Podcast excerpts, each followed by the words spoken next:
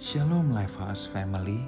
Yohanes pasal yang kelima ayat yang ke-24 Aku berkata kepadamu Sesungguhnya barang siapa mendengar perkataanku Dan percaya kepada dia yang mengutus aku Ia mempunyai hidup yang kekal Dan tidak turut dihukum Sebab ia sudah pindah dari dalam maut ke dalam hidup. Saudaraku, hidup yang kekal tidak dimiliki dimulai dari ketika kita menutup mata kita, saudara. Kehidupan yang kekal sesungguhnya dimulai sejak kita hidup di bumi ini. Maksudnya apa? Apakah kita bisa nggak mati-mati gitu jadi immortal?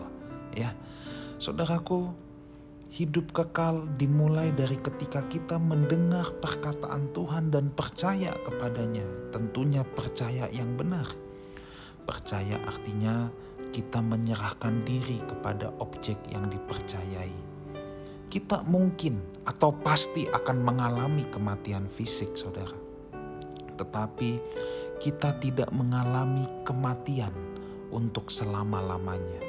Kita tidak menghadapi kematian dalam arti keterpisahan dari Allah ketika Adam dan Hawa memakan buah itu, Tuhan sudah memperingati kalau kamu makan kamu mati.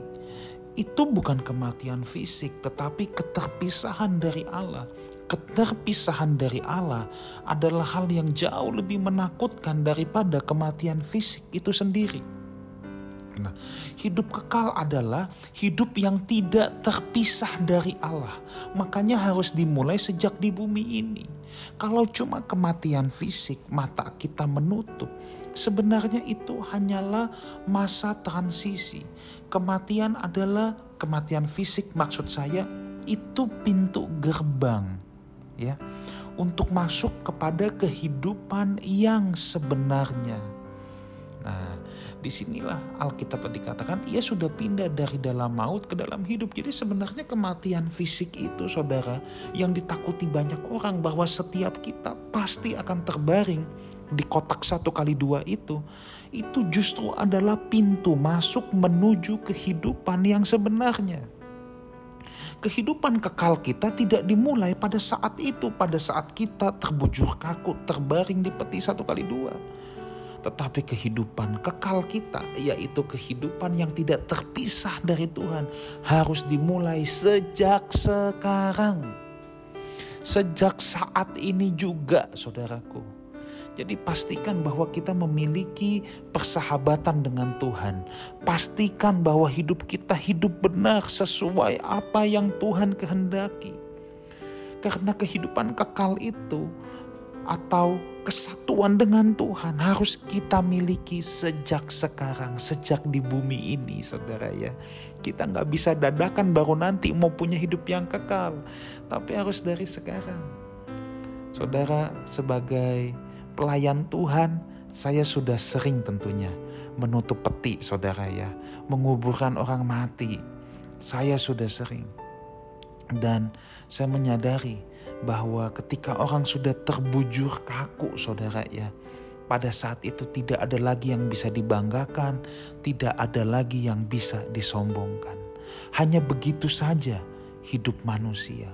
Tetapi hidup manusia akan menjadi berarti kalau dia sudah menyatu dengan Tuhan sejak dia masih bernafas dan kematian itu bukan lagi hal yang menakutkan, tetapi menjadi pintu gerbang menuju kehidupan yang sebenarnya. Tetapi kalau orang tidak memiliki kehidupan kekal sejak di bumi ini, kalau dia tidak punya kesatuan atau persahabatan dengan Tuhan sejak di bumi ini, maka benarlah kematian itu menjadi hal yang menakutkan. Kenapa? Sebab kematian menjadi pintu masuk menuju kebinasaan selama-lamanya. Saya percaya Lifehouse Community kematian harus menjadi pintu masuk kita untuk hidup selama-lamanya bersama dengan Tuhan. Itulah sebabnya yuk miliki hidup kekal sejak di bumi ini. Dengan cara apa? Dengan cara hidup benar dan bergaul dengan Tuhan. Tuhan Yesus menyertai kita semua. Haleluya.